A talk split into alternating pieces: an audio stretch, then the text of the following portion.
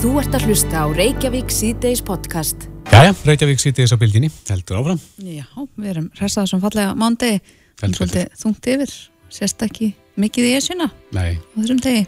Jæja. En uh, þú nefndir hérna á þann uh, símabann. Já, símalösa skóla. Símalösa skóla, það var nú einhverju skóla sem voru að bætast í þann hóp. Jú, mikið rétt. Grunnskóli Snæfellsbæjar og Já. Borgarhólskóli á Húsavík. Mm Það er hérna spurning hvort það sé verið að halda utan um alla skóla sem að hafa tilengað sig þetta. Já, og, Og þetta er náttúrulega, þessu er stjælt á af ákveðin ástæðu. Mm Já, já, ég meina um, þetta er náttúrulega trublandi Mhm. þetta trublar einbendingu nefnda og bæði í kænslustundum og fríminótum er haft hérna eftir Hilmari Má Arasinni skólastjóra grunnskóla Snæfisbæðir í morgunblæðinu í dag. Já, en uh, á línunni er Elín Rós Bendistóttir skólastjóri Ölduselsskóla góðan að blessa hann daginn Góðan daginn. Þið hafa nú góða reynslu þessu í, í Ölduselsskóla þið voru fyrsti skólinn hérna í Reykjavík sem að varð símalus það var 2020 2020, 2020 ef ég mann rétt, voðalega verst með tunga um tönn. Já, við hérna, við tókum sem sagt, þetta upp, þetta er náttúrulega samvinnu verkefni þetta og foreldrar og, og skóla, samfélagi allt, við vorum bara alveg á því að, að, að það væri nefndum fyrir bestu að skólinn yrði símalös þannig að að nefndu gæta því auðvitað eins og því sögðu að, að nefndur eru náttúrulega ekki að nota síma í kennslustundum. En það bara um leið og þau löpuð út úr kennslustundinni að þá var síminn komin í, í hendur og, og það voru í öllum fríminútum að því að úlingar yfirleitt eru fá að vera inn í fríminútum og það var bara alveg döða þögn, allir í sínu hotni og soknið var í sínum síma, jafnvel að hafa eitthvað samskipti í símónum En eftir að við sko gerðum þetta og við gerðum þetta náttúrulega bara mjög skemmtilega. Við heldum nefndaþing og vorum með miklu samstarfið fóreldra og við vorum bara öll á, því máli að þetta væri best fyrir nefndur og, og við ákvæðum bara í saminningu hvað getur við gert til að auðvelda nefndum þetta að, í rauninni værum ekki að nota símana í skólanum. Hvað gera nefndu þá þegar þið komið í skólan? Þeir með að koma með síman í skólan, er það ekki? Jú, af því að við náttúrulega gerum okkur grein fyrir því að bara í nútíma samfélagi þá eru nánast allir á okkunum aldri eh, komli með síma. Og, og þetta er ákveðu öryggistæki líka, kannski sem að fóreldrar telja að sé öryggistæki? Já, við hugsaum bara, ég menna það eru margir með hérna, debitkortin sín og strætókortin og rýmislegt komið í símana. Mm -hmm. Þannig að hjá okkur heitir þetta ekki símabann og hefur aldrei verið símabann og það eru stundum eru við með einhvers konar verkefni sem að við teljum að þessu gott að krakkarnir geti nýtt tíma í þó við gerum það, þurfum kannski ekki að gera það ofta því við erum með önnum tæki sem við getum nýtt í það, iPada og annað. Mm. En, en þannig að við höfum aldrei kallað þetta símabann. Þetta er síma leysli, við gerum það á fyrir að séu bara margir með símana á sér, geima það þá bara í skápunum sínum, sem er í töskunum og þannig að það er ekki, það er ekki bannað að vera með síma inn, inn í skólanum, ekki í okkur. Mm. E, þó að sumir kjósir að, að geima það heima.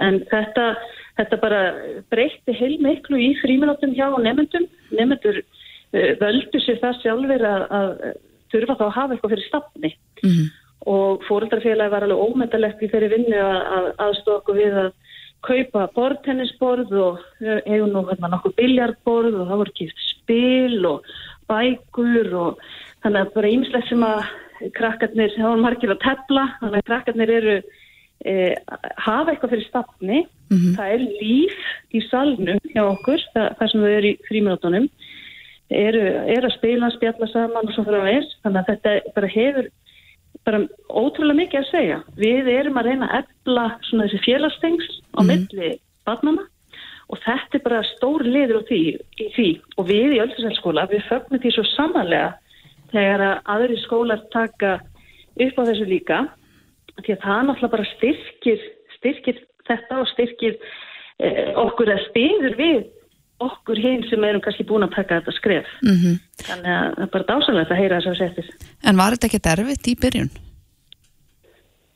Um, ég veit ekki hvort ég á að segja erfitt. Ég held að það hafi verið bara þannig að, að við vorum öll, um, gerðum þetta á þann hátt að það var svona ákveðin aðdraðandi, við vorum búin að vera að ræða um þetta, það var svo búin til ákveðin dagsetning og þá var það bara almennt, um, sérst, þá var bara almenn vittneskja um að nú erum við símalös og uh, ég myndum kannski ekki segja erfitt en auðvitað er það þannig að, að það er alveg eh, einhverju sem að gleima sér og eitthvað slíkt en við erum bara símalös skóli og, og hérna nei, ég, ég myndi ekki segja erfitt, en þetta er alveg, þetta er samt svona verkefni sem að maður bara heldur áfram að minna eh, nefndur á að við gerum þetta og þetta er ástæðan fyrir að við erum símáli skóli, er þeim til heilla. Mm -hmm. En nú er líka talað um að, að snjalltætja fíkn hún eh, færist í aukana. Hefur þetta ekki verið erfitt fyrir suma, kannski meira en aðra? Um, er fólk að, eru krakkarnir að stelast? Ég, ger nú alveg fastlega ráð fyrir því, bara eins og í, í hérna, almennt í lífinu og það er ímislegt sem að við gerum sem að e, eins og ég segi, einhverju einhver er að stelast, þannig ég ger alveg fastlega ráð fyrir því að það sé eitthvað en, en sem betur fyrir að þá er bara yfir hildina að þá eru bara krakkarnir að virða, virða þessu reglu mm -hmm. og, og við henni fullornu að reyna að minna þau á að þetta er gert með þeirri hagsmunna leiðarljósi. Mm. Er, er þetta eitthvað sem að þú mælir með að aðrir skólar sem ekki hafa tekið þetta upp að þeir skoði alvarlega? Já, ég ger það og ég held að eins og ég segja eftir nokkur ár að þá eigum við eftir að horfa tilbaka og hugsa ég einu sinni var var það þannig að nefndum áttu verið með síma í, í skólunum og, mm. og við erum örglega eftir að hugsa þessum eitthvað neikslanlegt. Þannig að eins og ég segi, ég, bara við mælum með þessu, við sjáum bara meiri, meiri hérna, við erum að alltaf að reyna að efla þessa félagsfærni mm. og, og þetta er svona liður í því. Já, þetta er, þetta er skemmtilegt. Vonandi eftir einhver ár verða bara allir skólar, grunnskólar á landinu símalösir. Er það ekki ágætt smarkmið? Það er mjög gott margum, mjög gott fyrir það, hvern alla til að taka skrefið. Eindislegt. Elin Rás Bendistóttir, skólastjóri í Aldursvarskóla. Takk hérlega fyrir spjallið. Takk svo leiðis. Þú ert að hlusta á Reykjavík C-Days podcast. Já, það er ótt að segja að allt sé komið á hlýðina út af atbyrðum helgarinnar. Mm. En það segir inn í fréttin á vísi.is að Sigur Indi Jóhansson innan innviðar á þeirra, hann hefði þetta nú rétt, hann byggðist innilegra rafsökunar og orðum sem hann lit falla í garð Víktísar Hessler. Framkvæmta stjóra bændasamtakana að fara nótt fyrstudags í gleðskap í tengslu við búnaðing. Mm -hmm. Þetta er tíma fram í stöttri fæslu Sigur Ring á Facebook. Ymmiðt, eh, fyrr í dag tjáði Víktís Hessler eh, framkvæmta stýra bændasamtakana sig um þessu umæli, mm -hmm. sagði að það var særandi Já. og það er henni fannst líka særandi að aðstofamæður Sigur Inga hafi reynd að gera lítið úr því sem þarna var látið falla. Já, já, það var fyrst sko neyta fyrir að þessi orð hafi fallið mm -hmm.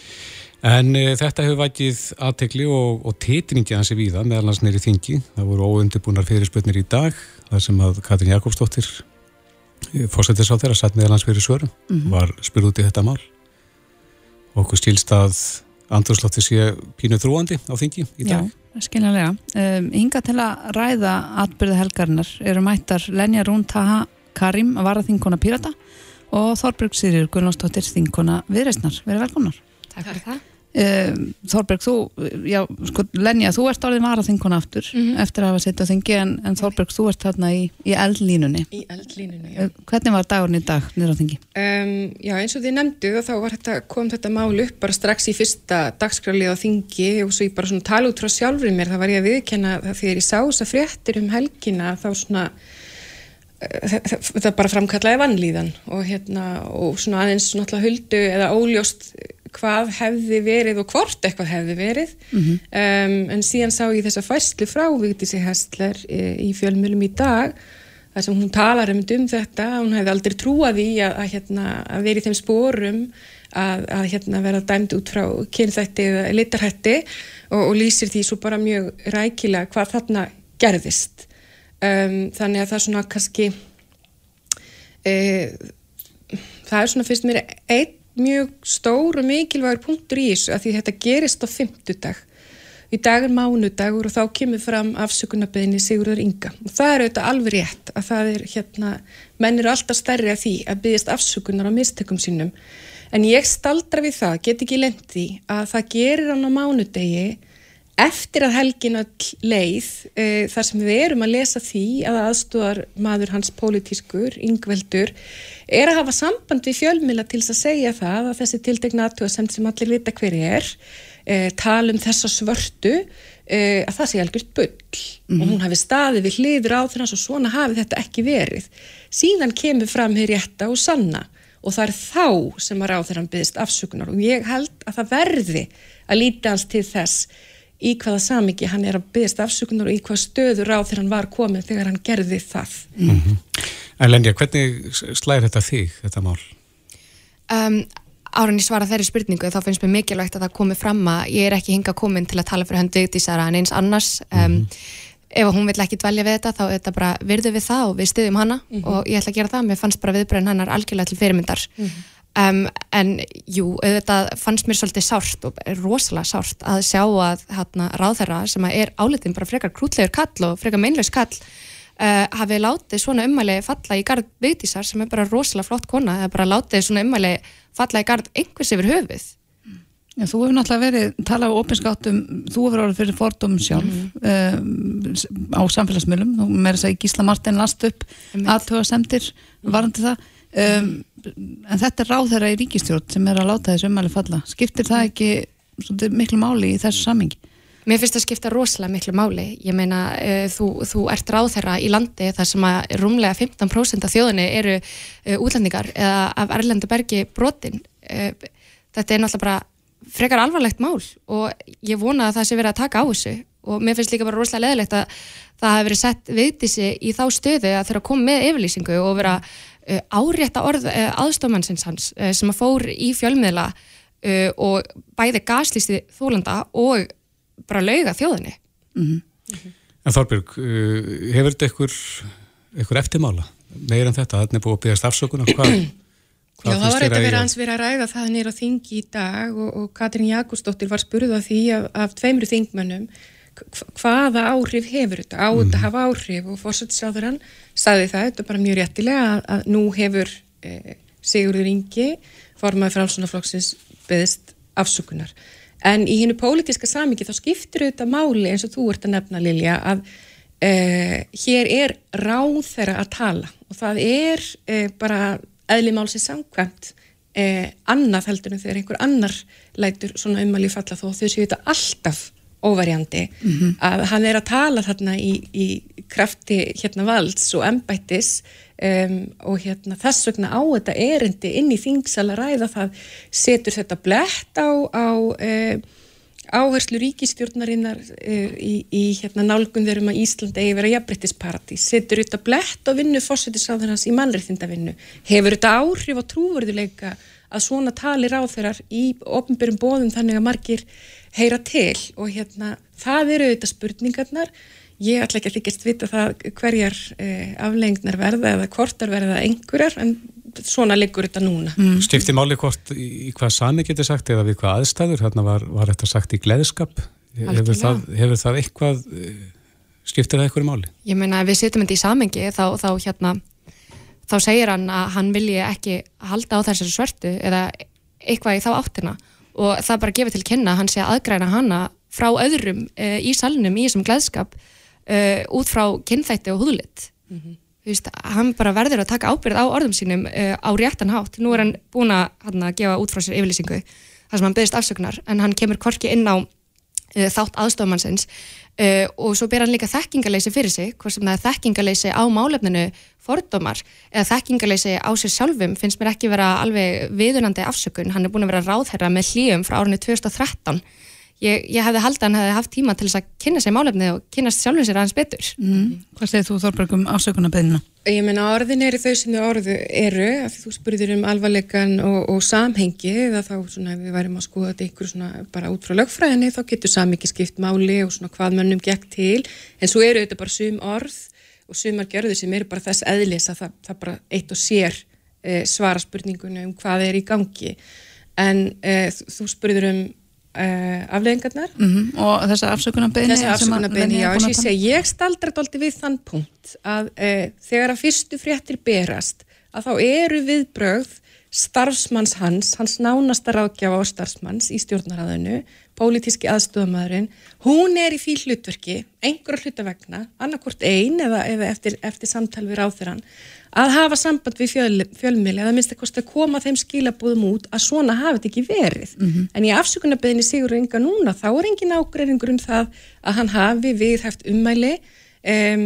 sem að e, við þessum búin að e, segja hvers aðlis voru. Mm -hmm. Þannig að ég allavega sitt afsökunarböðinni í aðeins annað ljós að því mér finnst hún verið að þvingu fram. Það er ekki fyrir hann komin í algjör og nöðvörn mm -hmm. sem að hún er lögð eh, á, eh, sett á dagskraf. Já, mm. það var einhverju veld vöngum yfir því á samfélagsmeilum í dag hvort að þetta atveikum helgina væri afsagnar eh, tilefni í löndunum í kringum okkur. Mm -hmm. Ég held að uh, ef við lítum til Norðurlandana, því ég þekki nú aðeins til þar, að þá ég á erfitt með að sjá það fyrir mér að það samtal færi ekki í gang um, og við sjáum þetta svo víða í samfélaginu í dag, íþróttirnar, eh, hvernig fókbóltinn er að bregðast við svona alþjóða vísu og svona, það er bara mhm. komin eh, mjög skýr lína um það hvers slags hægðun verður bara ekki liðin.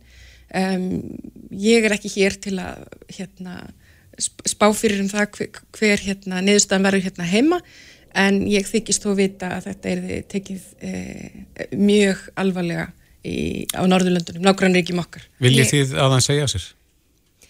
Uh, það eru þetta rosalega auðvelt fyrir mig að segja hann ætti að segja af sér sem var að þingma í stjórnarnanstöðu en það er bara ekki mitt að meta. Það er Katrínar Jakobsdóttir, Sigur Inga og framsóknarflokksins að meta. En ég verð það líka að fá að taka undir mig oppu, ég held að þetta væri afsagnarsök í öðrum Norðurlöndum og ef við byrjum þetta líka saman við fyrirtæki þar sem að uh, forstjóri eða framkvæmdustjóri uh, er að stjórna fyrirtæki þar sem að 15% af starfsfólkjans eru útlendingar að erlendu bergi brotin. Og hann myndir láta einhver svona umæli að falla í garði einhvers annars. Mm -hmm.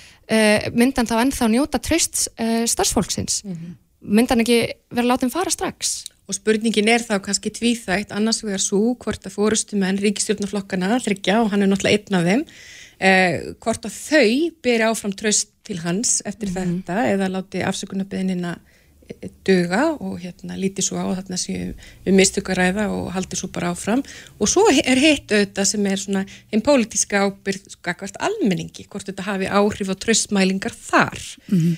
um, og hérna þetta helst nú e, í hendur held ég e, að einhverju leti en, en ég held að, ég ætla alltaf að láta mig næja að segja það að hérna ég held að fórsettisráður að sé ekki í öfundsveri stöðu með það að hérna eftir helgina að, að, að vera með fórustu manni ríkistjórnini sem tala með þessum hætti því mér. Mm -hmm. Ég finn það alltaf bara sjálf og ég bara meður mín. Algjörlega. Já, við sjáum það á Facebook síðu Víktisar Hastler að það regnir yfir hana stuðningskvæðum frá fólki úr alls konar flokkum. Mm -hmm. um, heldur að þetta verði áfram til umræði á alþingi í vikunni, Þorfinn? Já, ég geti trúa því. Uh, ég gæti trúa því að því að því mér finnst þetta endilega, mér finnst þetta vera sko, þetta er eitthvað atvökk sem speiklar eitthvað annað. Og þetta, þetta framkallar kannski umræðana um, um, um gildi, hvað við viljum uh, sjá, hvað við viljum ekki sjá hver eru mörkin. Uh, hjartanlega sammálaða því sem hérna hefur komið fram að hérna þólandi þessar ummála hefur sagt að hún vilji ekki hérna staldra sjálf við þetta og allir ekki að tjá sig frekar. En auðvitað hefur það framkallar að samtal þegar þetta er, þetta er ráð þeirra í ríkistjórn Íslands og hvað segir það um, um, um hérna, hvað viðgengst og hvað leifist í ríkistjórnini þegar svona gerist. Það er spurningin. Einmitt. Lenja Rún Taha Karim uh, var að þinguna Pírata og Þorbjörg Sigriður Gunnlaugstóttir þinguna Virisnar. Kæra þætti fyrir komina. Takk fyrir að fá mig. Þetta er Reykjavík C-Days podcast. Jæja, eh, þá ætlum við að snú okkur að eh, ja, þetta, þetta er ekki skipti eh, nemar. Nei, þetta er, þetta er konar... Þetta er vistráning. Þetta er vistráning upp á íslenskuna. Við þekkjum undir annarkort auper eða óper. Já, þetta er svona manneskjar sem er ráðin á heimilega sinna allskinn svona heimilastörfum og, og barnagæslu. Mm -hmm. En þessu fylgja einhver, einhverjar svona skildur en það má nú ekki, ekki gera hvað sem er. Það má ekki vera með sveipin á lofti eða það, með Nei. svona óper. Eða, eða er fólk að nýta sér þetta til þess að fá sér ódýrt vinnuafl inn á heimilið? Já, meinar.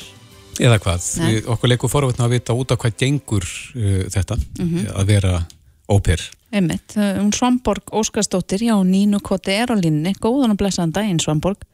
Já, góðan daginn. Ef við kannski byrjum á að þú segir okkur aðeins hvað Nínu Koti er. Þið hafið einhvers konar milligöngu með óper hinga til lands, eða hvað? Já, já. já, já, Mm það. Og er það þá uh, fólk frá Evrópu sem að sækir hingað heim? Já, við erum engangu með auper frá Evrópu. Já. En út af hvað gengur þetta að vera óper? Óper er fyrst og fremst það sem kalla er menningarskiptaverkefni Mm. eða menningarskipti.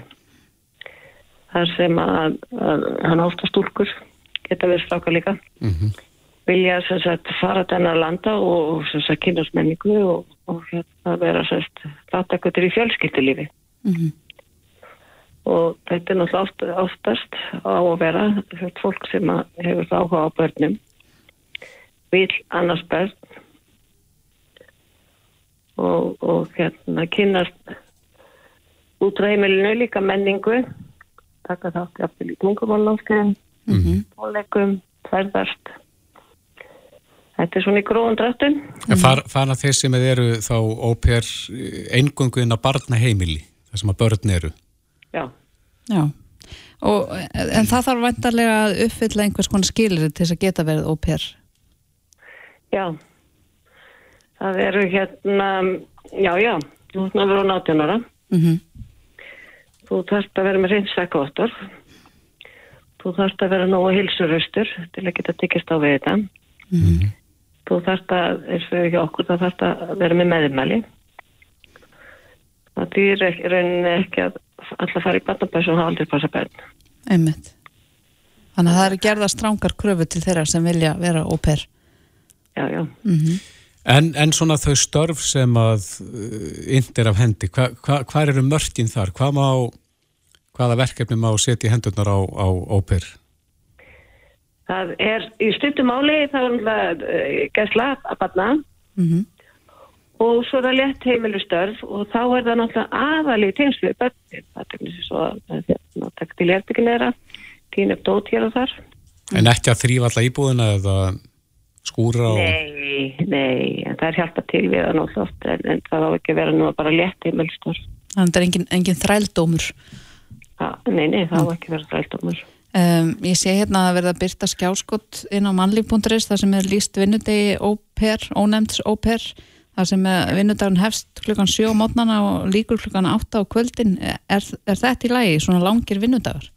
Nei, Hvað? ég, ég kikst á þetta Mhm. þú sá þetta og syndist þú vera með samfélta vinnudag frá 7 til 8 og svo átt hún bara að lokaði sér í herbyggi Einmitt. En sko auper kemur sem, sagt, sem jafn, jafnbættist þar sem hún er fjölskyttumælinur Mm. hún er ekki vinnukona. Hún er ekki á ekki vera ósýnileg og bara taka til eftir allt og alla. Nei, hún bara hjálpar til svona með... já, og er þáttakandi í Já, fjö- fjölskyldunni. En svona þessi léttu heimilstur og barnagæslan um, má þetta vera í hvað marga klukkutíma á dag er einhverja reglur um það hvað óper má sinni þessum störfum mikið? Ég sagði út, sem sagt, því okkur er það þannig að það er 6 tímar, 5 dagvikunar, það er alltaf frí 2 dagviku. Mm. En samkvæmt útlendingarlögu þá er það 5 tímar á dag, 6 dagvikunar. Mm -hmm. Sem sagt að það er, sem sagt, ef fólk er að koma utan Evrópu, þá færður það að gangast undir útlendingarlögin. Mhm. En aftur auðvitað frá Evrópu hafa sko alveg aðunlefa í Íslandi. Mm.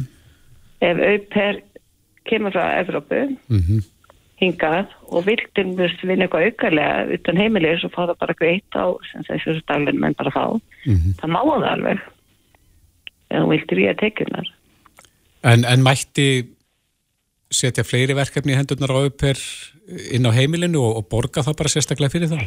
Já, ef hún vil þetta er fólk hefur fullt atvinnufrelsi hérna Já.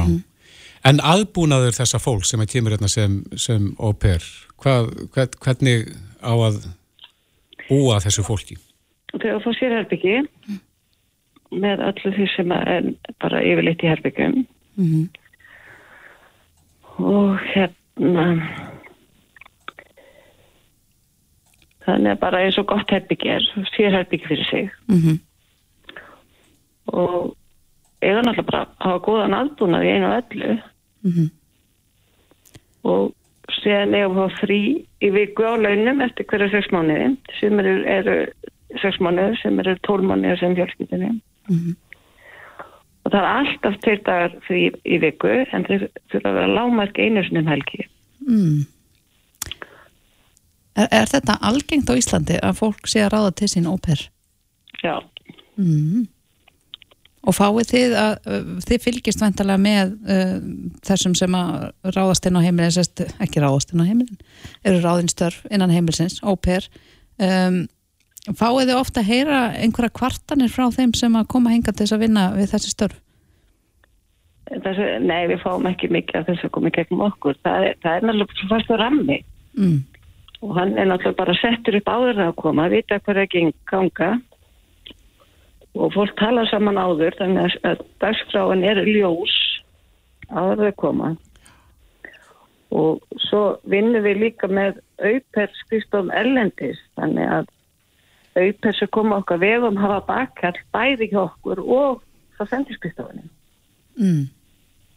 þannig að ef eitthvað er að þá er hæg heimatökin að láta vita Já, fylgist þið eitthvað með?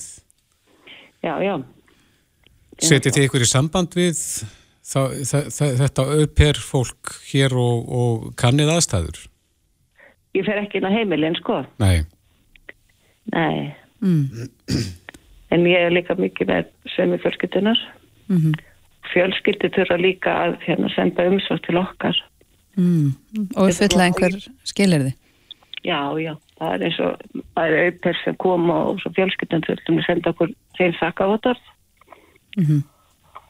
Þannig að það er bara þannig að, að hérna, Mhm. ég get, við getum náttúrulega ekki fylgst með öllum auperum á landin vegna þess að koma fullt af auperum sem er ekki gegnum okkur. Er það þá bara fólk að ráða til sín svona bara með einhverjum auðlýsingum í, á netinu eða eitthvað þannig?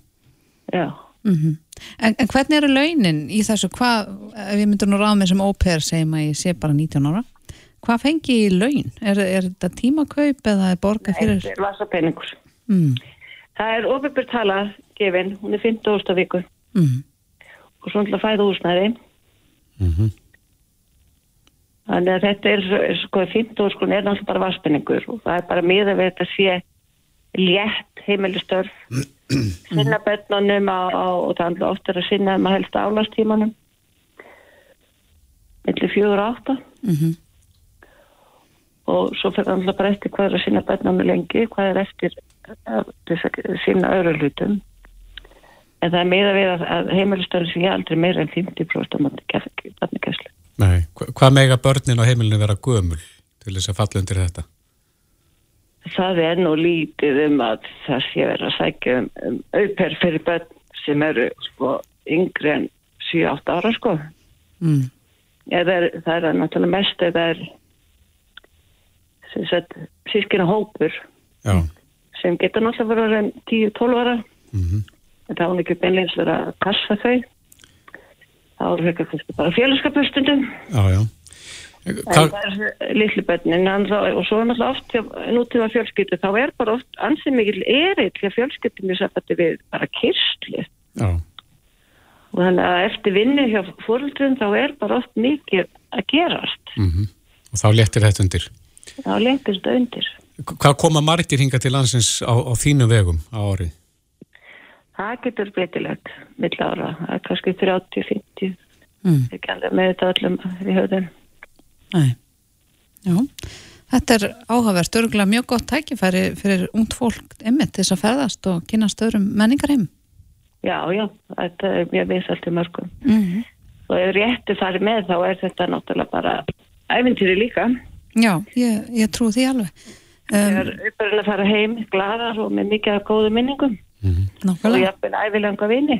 Einmitt það. Frá hvaða Evrópulöndum er, er, er þetta fólk helst að koma sem kemur í gegnum þig? ég fá mest frá Þískalandi Já, ég get áhugið þar. já, það er svo fast í menningu unga fólksins þar að gera eitthvað eftir hérna framhaldsskóla Mm og þá er þetta bara hérna þess mörgum ungum það verum áhugavert að fara og vera auper Einmitt.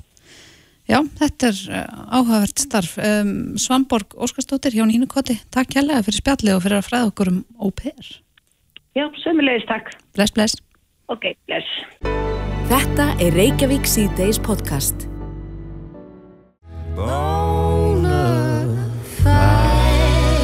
Þetta er Eðal Country, Það er Sofía Björg og Grummi. loksins er country að njóta vinsald á Íslandi. Ég held að það hef alltaf gert það. Er það? Já. Í laumi. Það verður ekki farið mikið fyrir því. Nei, en uh, ég held að við séum meiri country boltar heldur en margi vilja játa. Já, ég held að sé samanlega. Ég, ég held að sé satt hjá þér. Ég muni náttúrulega eftir uh, blötuna sem að Helgi Björns Já, vindan að jú, gera. jú, jú, jú. Þetta er bara sjaldist í bílförmum Já, já. Einmitt. og svo náttúrulega Brimkló Mhm. Það er bara country shit Einmitt, en uh, förum aðeins út á vegilandsins. Þeir eru sumstæðir í henglum, má segja, koma virkilega illa undan vetri, mm Mhm. hólumyndanir hér og þar. Og við lesum hér í frétt á Rúfa, það er þungt hljóðið í Óskar Erni Jónssoni fórstöfumanni Frankandeldar vegagernar sem segir að eh, helmingi lægri fjárhæð, fjárhæð verði varði viðhald á vegum landsins í ár, heldur Mhm. enn í fyrra. einmitt. Nú, uh, Vilhelmur Átnarsson, formaður umhverjus og samgöngunenda þingsins er komin til okkar, velkomin. Já, takk fyrir. Já, þetta er ekki góða fréttir fyrir vegfærendur ef að það á ekki að veita einsmikla fjármönnum í viðhald vega núna eins og áður, ekki veitir af. Já, nei, það er ekki gott en ég held að, að þegar að tala um helmingi minni fjárhæð þá sé ég verið að tala um bundislítla en viðhald vega hefur verið svona á bylunni 10,5-11 miljardir undanferðin ár og er gert ráð fyrir því í samgöngu áallun nema síðasta ári var bætt einum auka miljardi út af fjárfestinga átæki ríkistundana tengslu við COVID og ætlum að frangam okkur út úr COVID. Þannig að og svo bættist ofan á þessa 11-12 miljardar sem voru komnir þá í þetta að þeir fjármunni sem nýttust ekki í aðrar framkvæmdir, nýframkvæmdir sem hafðu tafist, að það var líka nýtt í viðhald vega. Þannig að, að ég held að, að við séum bara þá búin að lækka okkur úr þessum auka fjárfestingum sem að voru bætt við sérstaklega síðast ári niður í hérna venjulegu tölu viðhalds vega sem við höfum verið auka. Það, það var hér 8 miljardar áður fyrr en við vorum búin að draga upp í þetta 10,5 til 11 miljardar. Þannig að, en svo ef að veginn er að koma verð undan vetri núna heldur en við var búist og áður við, verð heldur við gáttum sé fyrir þegar við kláruðum fjárlögin í desember að þá höfum við svo kallar varasjóði í fjárlögum til þess að bregðast við svona óvæntum uppákomum Hvað er mikið í þeim sjóðum? Það er svona hlutall eftir málaflokkum og annað þannig að það er hérna kannski þannig að það er alveg töluvert sko. En eins og ef við tölum bara um viðhald vega, hvað geti hugsanlega verið hægt að sækja mikið meira? Það? Já, sko, við þurfum að sjá svolítið þá umfangið, það er náttúrulega einhverjur fjármunin í því og, og, og þessi fjóri miljar sem tala um þessari frétt, það er þá það sem að vegagerðin eða frangandavaldi allar rástafa af þessum 11 miljurum í viðhald, svo er einhvern veginn eðst í slitlags, svo eru öðru í þessi viðhald og þetta er viðhald á brúm og öllum samgöngu hérna, eðst vega samgöngu innviðunum þannig að þetta er svona þannig að þegar að vegagerðin kemst núna næstu dögum að því hvert er umfangið og þá forgámsraðir og þá sjá þeir hvort að, að þeir breyti þessari forgámsröðun eða hvort þeir komi þá og leiti til alþingis eftir fjárauka lögum sem eru þá í haust. Og, og svo, svo eru einhverja nýfrangandi sem þau geta líka flutt á milli eins og gerir síðast þannig að, að, að þó að, að staðan á fjárveitingun sé núna að þá þýðir það ekki að sé ekki að bregðast við þegar ástandi liggur fyrir. Og það er mikilvægt að bregðast við. Og svo er kannski ástæðan fyrir því að veginn er að koma svona yllandan vetri er kannski nummer 1 og 3 það búið að, búið að vera meiri snjómostur, meira vassveður, vatnir vesti hérna og vinnur vegakerfisins og þegar þessi hólumyndun er. Og svo er kannski eru það líka veginnir mis tilbúinir að taka við þessu. Það hefur aukist umferðin, bæði vennilega umferð og svo þungaflutningaðnar og þegar umferðin ánum vist mikil þá þarf að bara fara að malbygga meira, ekki bara bundist lillag og það eru þá dýrari uppbygging á vegunum. Þannig að, og svo er bara mikið að vegunum náttúrulega komið til ára sinna og þeir þóla þá vassveðri ennþá meira og brotna ennþá hraða niður í þessu vatni með þessa miklu umferð á sér og þá kannski erum við ekki lengur að tala um viðhald vega, þá þurfum við að tala bara um nýbyggingu og uppbyggingu vegana og þá þarf að taka það í nýfrængandum Þarf að spýti þar? Já, já, já, það þarf að spýta í, í þessu og við hefum lengi talað um það. Og því höfum við verið að ræða ímsa leiðir sem að hefur fengið miskoðan hljómgrunn. Hvernig við fjármagnum vegakerfi og annað slíkt. Að þá er, má segja við séum áratögu eftir í frængandum í vegakerfinu mm. og við erum að strábílu fámennulandi að byggja upp stort vegakerfi þannig að, að, að það er kannski vandin sem við búum við og já, við hefum sagt, við erum svona áratögu eftir þannig að við getum alltaf nýtt peningana í, í þetta en en það verður líka að hafa í huga að nýfrangandir af vegum, það er bara að taka tíma að það þarf að hanna, það þarf að deilu skipulegja og aðalskipulag og skipulagsbreytingar og það þarf að fá um, mata umhverjus áhrifum oft og þannig að það er stundum ekki allt á hlaupi til. Mm, viðhaldið og setja kannski malbyggistæðin fyrir slitlægir oft hægt kannski að ganga hrættil en ekki öllum tilvíkum þannig að vegerinn hefur alveg sagt og verið heiðarlega með það að hún getur ekki tekið öllum peningunum í einu. Mm, þannig að við getum kannski ekki unnið okkur uh, upp þennan áratug sem við erum á eftir við getum, við getum unnið okkur upp alveg, ég hef trúið því en við getum ekki gert það kannski bara á einu, tveimur árum.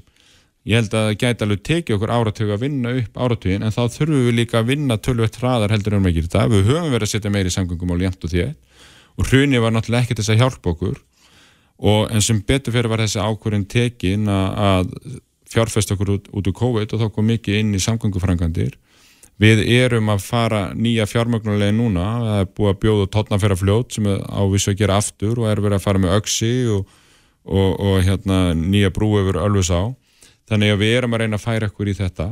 Og svo þurfum við líka að hafa þetta þá í huga núna þegar við færum okkur yfir nýtt gæltökukerfi af umferðinni. Við höfum verið að gefa mikið eftir af tekjum umferðin út af nýjorkubílum og þannig að, að tekjur ríkisins af nótkunnu aukutækja hefur dreyjist verulega saman og þegar við förum yfir nýtt kerfi þá þurfum við að hugsa það hvernig ætlum við að fjármagna þessu uppbyggingu svo við getum byggt vegakerfi hrætt upp og haft það í viðunandi og örugu ástandi. Er búið ákveða hvaða kerfi teku við? Nei, það er fjalla örlítið um þetta í nýlaðri fram, framsettir í fjármála áallun en það er svona verið að horfa á nýja tækni og að vera að horfa á það svolítið að þeir borga sem nota mm -hmm. en, en, en hvaða útfærsla er endalega að svo vinna er bara í gangi og er, er ekki komið það langt að hún var sett niður einhver dítils í þessi mm -hmm. í fjármála áalluninu. Rétt aðeins í lokin e, það er náttúrulega gödurnar eins og þær eru ótrúleg hólumyndun við að skvar eh, einn spurning varðandi sko, svo skildi sett að herðar aukumann að þeir tilkynum hólur er ekkert að setja þessa ábyrð á, á herðar veghaldara? Að vegagerðin sé að, að fylgjast með hvar hólur myndast en, en þess ábyrðis ekki sett yfir á aukumann Já, ég held að við verðum bara vera svolítið saman í þessu að, að þetta er komið miklu betri tækni og, og, um, og umfyrir miklu meiri þannig að auðvitað fylgja það ábyrðin hjá vegjarinn að fylgjast með sínu vegkerfi og, og, og, og þjónust á þetta. En tjón er ekki bætt nema að það sé búið að tilkynna hóluna? Mm. Já, að þeir hafi ekki vita að því, þannig að ég er að segja bara með meitri tækni og aukinni notkun á umfyrirkerfinu, þá mm. lítur sem sagt krafan um, um örgið og að þetta sé lægi að aukast hjá vegjarinni en að sjálfsögðu byrju við okkur bara sem borgar að við sjáum eitthvað er að líka tilkynna það sko. Já, en þeir hljóta þegar fylgjast með ástandi vega.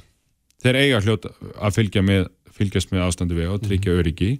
Það er eitt af þeirra hlutverkum og svo er vísu hlutverk samgangustofu sem hefur ekki mikið farið fram sem ás að hafa eftirlit með eftirlitunni eða sem sagt sjáttu þess að vegagerðin fylgi eftir því eftirlit og þeirri þjónustu sem það á að viðhafa varðandi vegakerfi sko Mm, þannig að þetta getur verið einhvers konar samvinna en ekki öll ábyrð á þá sem kera bílana. Já, ég tel það bara vist, aðal markmið er bara að leið og kemur tjóna veginum að þá er eins gott að, að þeim þar til bara meðveldu sé upplýst um það sem fyrst svo þau getur bröðust við sem fyrst og það, það getur alltaf verið flókið í, í þessu hérna, tækni samfélagsverðum núna að, að koma slíkum ferðlum af stað sko. Mm -hmm. Einmitt það. Já, Viljálmur Árnarsson, formæður umhverfis og samgöngun nefndar. Takk kærlega fyrir komina og spjallið. Já, takk fyrir að taka málið upp. Takk. Reykjavík síðdeis á Bilginni podcast. Ég þarf á að segja að þjóðin er aktofa eftir að frétti bárust frá Bútsja Mhm. í Úkrænu þar sem að rúsnesti herin hörfaði frá Já, það, hún sló aldeilis fyrirsögn á morgunblæðin í morgun, blóðbað, blóðbað í Bútsja. Einmitt og það hafi verið að byrtast hryllilega myndir frá sundurskotnum líkum sem að rúsarnir stildi eftir á dreif Mm um en, eh, borgina en þeir segja þetta sjálfsögur vera sviðsetningu eins og Já. svo margt annað. eh, pöntuð af bandargemunum Mhm. en á línunni er auðvitaðningisáþarann Þórtís Kolbrún Reykjörð Gilvadóttir, kom til sæl Sælublessuð. Telur þú að þessar fréttir sem að berast núna frá Bútsja að það er komið til með að breyta ykkur um svona álit heimsins á þessu stríði? Já, ég geri það nú. Um, það hefur verið þannig frá upphafi að, að svona stærstur hluti heimsins hefur uh, haft sko samúð og stilt sér upp með úkrænsku þjóðinni um, og, og svo sem ekkert breyst þessar vikur sem hafa liðið en alltaf verða þannig að, að einhvern veginn aðlagast mannfólk uh, breytingum líka þegar þeir eru ræðilegar og þetta hefur svolítið svona hrist, hrist upp í því og, og, og sjá sko því líkan til líkan hrylling uh, sko svart og hvítu og með sönnunagögnum og slíku með myndum.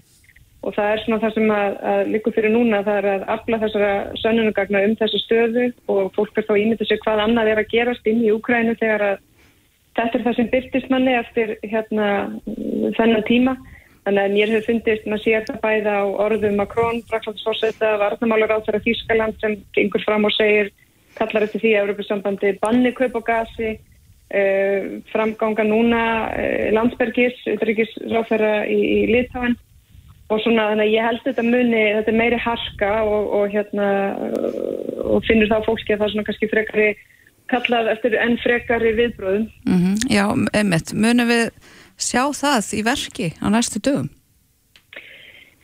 Sko, við höfum um, annars vegar með mannúðarastóð og þessum miklu pólitíska stuðningi og ákvæmtöku alþjóða vettvangi og einangrun rúsa í raun, bæði formi sko viðskiptafringana en líka alþjóða sviðinu og í, í, pólitíkinni uh, og svo með hafa svona vina og bandalagsþjóðir verið að aðstóða hérna Úkrænu, úkrænska herin með því að, að hérna koma til þeirra vopnum og auka getur þeirra til að, að berjast.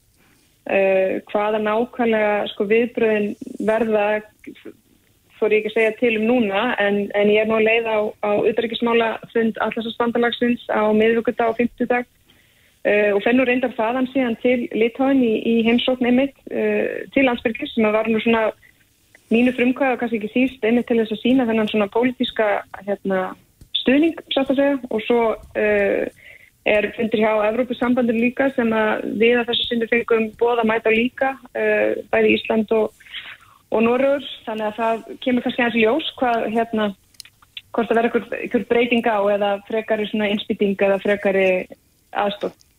En áttu vona því að þetta herði menn svona í afstöðinu til einhver aðgerða gegn rúsum? Já, ég á frekar vona því, ég meina það er verið að grípa til rástafana í rauna og sko öllum mögulegum vettangum, þú veist, það er hérna, og það er verið að fara í gegnum það hvernig hægt er að, að hérna, sko, gera kröfu til þess að, að menn svari, þú veist, til ábyrðar og sér sóttu til saka, sumt að því tekur tíma, þannig að það er með hluta við sér spurningum uppgjör og annað er spurningum sko aðstóð núna og það er það sem þetta ukrainska þjóðin er að kalla eftir, þau þurfa aðstóð núna til þess að geta barist, svo horfum við á þessar svona fríðar viðræður ef, ef hægt er að kalla það og, og hérna þetta vonast með þess að eitthvað komi út úr því en á meðan að þetta er staðan og hlusta síðan á málflutning rúsa sem segir þetta er eitthvað tilbúning og falsfrettir þá, þá getur mann ekki sagt að maður fyllir spjart síni eða maður hafi mikinn skilning eða hérna eða svona mann sýnist ekki verið mikil kannski sáttar vilji eða vilji til að stilla til fríðar en það er, það er þetta eina leiðin. Við getum ekki við getum ekki haldið svona áfram. En, en það hefur verið í alla þennan tíma það sem ég eru þótt hvað sárast að við erum ennþá á leiðin í ranga nógu löng verður leiðin tilbaka en það er síkalegt að horfið á það að við séum ennþá á leiðinu sko fjær einhvern veginn veruleikunum eins og við viljum hafa hann og fjær, hérna, Friði. fjær friði með, með hverjum deginu sem líður. Það er, það er algjörlega uh, ömurlegt fyrir, fyrir þetta blessaða saklösa fólk sem býr í Úkrænu og, og hættan á því séðan að hvað getur gert uh, í kjölfarið. Hún auðvitað minkar ekki þegar við sjáum að við erum á ennþá svona á, á rangri brut. Nei. En ef að þarna verður sannað að um stríðsklæpi hefur verið að ræða, sérstaklega þessu máli núna með Bútsja, hver verður dregin fyrir dómstóla? Er það Pútín eða, eða þeir hermenn sem að þarna áttu hluta máli? Hvernig gengur það fyrir sig? Já, ég ætla nú ekki kannski að tala með alveg út um það uh, á þessari stundu og ég held að það kannski öllu leiti líki nú ekki fyrir en, en ég menna það er það er, það er, það er einn maður sem ber ábyrð á hérna, þessari stöðu og, og það er, er Vladimir Putin sem fyrirskipar þessa árás um, en síðan er spurning, ég menna þarna eru yfirvöld og, og fleiri stjórnmálamenn og svo ákveðnir svona ábyrðar aðeinar í hernum og, og þetta er eitthvað sem Uh, hérna, ég, ég get ekki tala með út um núna uh, en gerir ráð fyrir því að það verði nú sko þetta er risavaksi verkefni og, og hérna líklega fleiri en einn, einn einstaklingur um, sem mun fyrir að svara fyrir þessa görðis. Og telur að menn verði látni svara fyrir þetta? Já, ég ger það. Mm. Maður leiðir ónefndalega hugana því þegar maður lest þessar hræðilu frettir í, að, frá Úkrænu að þetta geti verið bara toppurinn af íseganum. Já, ég held að sko þetta allavega ég veit ekki hvað maður á að segja þú veist, auðvitað vonum maður svo sannlega að, að svo sé ekki, en hvað á maður að halda þegar að þetta byrstist manni um, eftir örfáur vikur þar sem maður hefur ekki hérna haft svona aðgang og það sem er svo það sem breytir er maður sko hugsað tilbaka og hugsað til sögunar og það sem er að, að, að gerast bæði í sögunar og svo kannski líka að fjær okkur þar sem við höfum ekki sama aðgengi er að nú erum við með stríð sem er í raun að byrstast okkur í rauntíma á samfélagsmiðlum. Það hefur við ekki upplifað áður og þá, og þá breytist bæði upplifun sko fólks og líka segi ég kannski einhverju leiti kröfur sem hægt er að gera, veist, hvað veit maður og hvað máttur maður vita og hvað, hvað blasir við og svo hvaða aðgerður hægt að grípa til og, og það er, það er dálítið svona e, skrítin upplifun að vera einhvern veginn að lifa söguna veist, og þurfa að hugsa í hvers skipti sko, ákvarðan sem að bæðir að taka eða styðja við hvernig þær muni eldast. Og það er ekkert að segja til um það en það sem er öðruvísið við þetta er að við sjáum nánast í rauntíma ekki öllu leita alltaf en að meira leita við nokkuð tíma gerst hvað er umverulega að gerast innan landamæra Úkrænu og, og meira við þessu stöðu þarna að þá til miður held ég að sé svona hálf einfældinslegt að segja að þetta sé einu staðurinn í Úkrænu þar sem þetta er að gerast. Já, það berast nýja frétti daglega, við skulum vona að það er komið til með að vera aðeins bjartari uh, framöndan, Þórti Skólbrún Reykjavík Gilóðdóttir, Sveitar ekki sá þeirra kæra þakki fyrir spjallið. Takk sem leður. Reykjavík Við ræðum nú oft í þessum þættum alls konar tengsl og, og sambönd á milli fólks. Já, þau eru mismunandi. Þau eru mjög mismunandi mm. og eitt af þessum formum sem hefur kannski verið orðið algengara síðustu ár er þessi stjúp foreldrar og þessi samsetta fjölskylda. Mm -hmm. Það getur náttúrulega verið áskorun að setja saman fjölskyldur kannski tveimur mjög ólíkum hornum. Og jafnvel fleiri. Jafnvel fleiri, Já. nákvæmlega. Þetta er orðið, þetta er orðið flókið en uh, Kristjana Jenny Ingvarsdóttir, hún er markþjálfi og hún er verðandi þerapisti. Hún hefur opnað Facebook síðuna stjúp samfélagið. Verður velkomin Kristjana. Takk fyrir. Þú ert uh, svona bjóð upp á allskins fróðuleik mm. og aðstóð fyrir fólk sem stendur í þessum spórum að þurfa að emitt sameina fjölskyldur. Það passar. Er þetta, er þetta svona flóki eins og ég var að halda hérna fram eða getur þetta verið bara óskup einfalt? Þetta getur bæði verið einfalt og fallegt og það getur líka verið flókið. Ég held að það sé bara svolítið spurningum hvað maður leggur í það og, og hérna og já ég, Hvað er það helst sem að flækir hlutina? Ég myndi segja samskiptaleysi mm -hmm. ég, svona mér finnst það að vera svona toppurinn og ísjaganum í, í því sem að getur verið erfiðast því að, og ekki síst samskiptaleysi bara við börnin mm. því að mér finnst hafa vanda svolítið upp á átt sig á því að börn er ekki að velja að vera í stjúp, stjúp fóreldra, eða sem sagt með stjúp fóreldri mm -hmm. það eru fór, við fóreldrarnir sem tökum ákvarðinu um það og ofta tíðum eru þau ekki spurð mm. og mér finnst vant upp á þessi samskipti við þau varandi það hvernig þeim líður. Að við fullatna fólki svona ætlum bara að gera þetta og gleymum því svolítið að þau þurfa að, að búa henn á heimilinu. Já, bara eðlilega að gera við það. Við verðum ástfangin og viljum búa saman og, og hérna, það fylgja okkur einhver börn Mhm. og þau eru tekin með því þess að breytu eðlilega og svo kannski þegar svona maður er komin ofan að þessu skíi þá fyrir maður átt að sjá því að það fylgta okkur einhver grílir eða jafnvel unglingar sem að hefur glemst að spjalla við Mhm. um þessi málefni þá sérstaklega finnst mér Já. því að það er kannski ekki sjálfgefið að þó að við séum tilbúin að leggja allt okkar í það að vera gott stjúpfóreldri að börnin séu tilbúin að eiga okkur að þannig að það það sem mér hefur fundist vera svolítið mikilvægt að spá í En hvað er svona fleira sem að þarf að hafa í huga fyrir þá sem eru kannski í þessum spórum akkurat núna að hlusta að vera í þessu saminningarferli það eru samskiptin, hvað er svona fleira sem að maður þarf að- hugsa út í? Ég held, ég myndi vilja segja bara vera maður sjálfur fullkomlega, ekki fara að leika eitthvað hlutverk sem þú heldur að eira að leika heldur vera bara þú eins og þú ert því að þannig verður andrúsloftið og heimilslífi eðlilegast. Og gefa þessu tíma það er eitthvað sem að mér finnst ég líka hafa lært mikið á því að verða stjúpmaður Mhm. og vera í stjúpfjölskyldu eða sem sagt í þessu formi því að þetta tekur allt tíma og það er bara ekki hægt að ætlast til þess að allt sé orðið gott daginn eftir að við hefum sambúð Mm þannig að Var það kannski kveikjan að þessur, þessari Facebook síðu stjúpsamfélagið að þú varst sjálf í þessum spórum? já, ég hérna var svo heppin að kynast alveg dásanlegu manni fyrir nokkrum ári síðan og við vorum ansi fljóta að taka ákveðnum að búa saman Mhm. og honum hérna fylgdu, ef maður vorða þannig fimm börn og mér fylgdu tvö börn Já. og hérna Var það þjá honum með sömu konunni?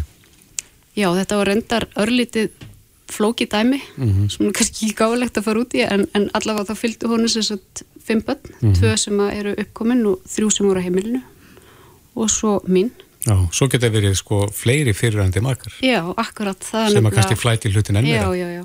Þetta er orðið daldið viða þannig held ég. Mm. Og hérna, já, það var það sem að kom mér að staði þessu. Ég sérst fyrir í þetta þerapíunám og okkur er svona bent á að það væri sniðut að að einhver ákveðinu málefni. Og þetta er eitt af því sem ég hef lært kannski hvað mest af að verða stjúpmáður. Og Já. fyrir viki þá langaði mig að miðla þeirri reynslu því að hún hefur náttúrulega bæði verið hérna, mjög falleg og góð og á sama tíma hefur hún tekið mikið á mig. Mm Þú nefndir það hérna áður um að við fórum í loftið að þú er ekki síst lært mikið um þig sjálfa í þessu ferli. bara allt ég held að ég hafi lært hvað mest um mig sjálfa einmitt í þessu ég hérna ge hef gert ótal mistök eins og við gerum í öllu og ekki síst það að ég ætlaði aldrei svo all in og verða indislega stjúpmama og vil reyndar meina það að ég reynist hérna öllum þessum börnum vel. En ég fór kannski svolítið og gekk á sjálfa mig. Ég fór svolítið fram úr mér með að reyna að þóknast öllum og, og hérna, vera til staðar fyrir, fyrir alla. Og þegar að hópurinn er orðin svona stór þá er mann fljótur að tæma batteríin Mm en hérna ég var þá og er enn allra vilja gerð. En ég þarf svolítið að áttum að því að, að við erum fleiri um þetta -hmm. þannig að já, það var svona kveikjan aðeins öll saman Einmitt.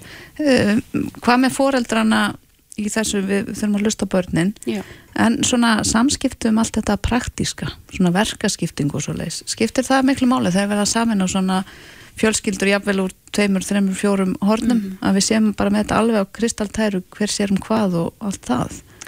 Já, ertu þá að meina þess að fóreldrarnir sem búið saman eða Já. bara allir Já, já, eiginlega bara allir, öll, öll þessi Já. grúpa af foreldrum. sko, það hljóma kannski eins og einhver æfintýri en það hefur allavega gengið alveg óbúslega vel hjá mér og mannum mínum að saminast um þetta allt saman og aldrei verið neitt vandamál Mm og við höfum líka verið mjög heppin með þá fóreldrar sem koma að sem sagt fyrirvandi maka okkar Mhm. það hefur allt gengið mjög vel En Það er ekki alltaf svoleiðis. það er ekki alltaf svoleiðis og það getur gengið ymsu og það er líka það sem ég hef séð Hvort heldur sé algengara? að það gangi vel eða illa Já. Ætli það sé ekki bara 50-50 Mhm. en ég held að þetta snúist alltaf um að maður bara leggja inn það sem maður getur og, og gerir sitt besta og í okkar tilfelli hefur það verið þannig að allir hafa lagst á eitt með að gera hlutina góða Mm En þú ert með þessa síðu stjúpsamfélagið, ertu líka að taka til þín fólk í þá einhvers konar tíma eða eitthvað þannig? Já, ég hef verið að bjóða upp á þerapíuna sem ég er að læra sem að er hérna, þerapían lærða að elska þig eftir Guðbjörg Ósk mm -hmm. Friðstóttir og þetta er 12 tíma samtalsmeðferð sem að í rauninni hver sem er getur komið í það þarf ekki að vera stjúpfóldi til þess það er bara fyrir alla sem að vilja vinna í sjálfum sér og hérna á sama tíma langar mig að gera mikið meira með þetta svona þegar ég er komið lengra. Mm. kannski einhvers konar workshop fyrir stjúpmæður eða hvað hann mætti vera. Þannig að það er svona alls konar hugmyndir í gangi. Mm -hmm. Þannig að kjarnin er kannski maður þarf að þekkja sjálfa sig og elska sjálfa sig og til þess að geta farið inn í til dæmis að samina fjölskyldur. Það er akkurat það sko. Og ég hérna, hef oft sagt það að ef ég hef ekki verið búin að taka svona vel til í sjálfur mér áður en að ég fór í þetta hlutverk þá er ég ekki vissum að ég væri mikill bóður í dag. Því að ég stóð ákveðlega í sjálfur mér og var örug með mig. Mm -hmm. og hérna ég held að það sé það sem okkur vantar að við sjálfar elskum okkur, nú eða feðurnir. Það getur alveg, getur alveg verið þeir. Og séum í stakkbúin til þess að takast á við svona hlutverk. Er munur að vera stjúp móður eða stjúp fadir? Ah, nú spurning hvort maður minna að hlusta. Sko, já, ég myndi segja það því ég held að að því að við erum svo mikla tilfinningaverur og erum gjarnar á það að, að gefa mikið af okkur mm -hmm. konur og viljum þá kannski finna eitthvað tilbaka mm -hmm. að því að við erum búin að tæma allt Við ætlumst til þess Ætlumst svolítið til þess að, að fá það sama tilbaka á meðan að mennirnir eru ofta tíðum og ég ætla ekki að alhefa það en eru ofta tíðum róler yfir hlutunum og leifa þeim að leysast sem eru þetta frábær kostur og það hefur allavega hjálpað okkur að við erum svona svolítið á sveitkurum pólunum þar. Þannig að stjúpfiðurnir eru kannski þólinnmóðari? Já, bæðið þólinnmóðari og, og minna dramatískir mm -hmm. en það eru auðvitað bara sjálfsagt, já, misaftuð eru margir sko, eins og með okkur. Já, þetta er stórt verkefni að samina fjölskyldur um, Kristjana Jenny Ingvarsdóttir, markþjálfi og verðandi þerapisti, þú vonandi nærða hjálpa einhverjum í gegnum þetta. Takk já, fyrir komuna. Já, sko vonað, takk fyrir mig. Hlustaðu hvena sem er á Reykjavík C-Days podcast.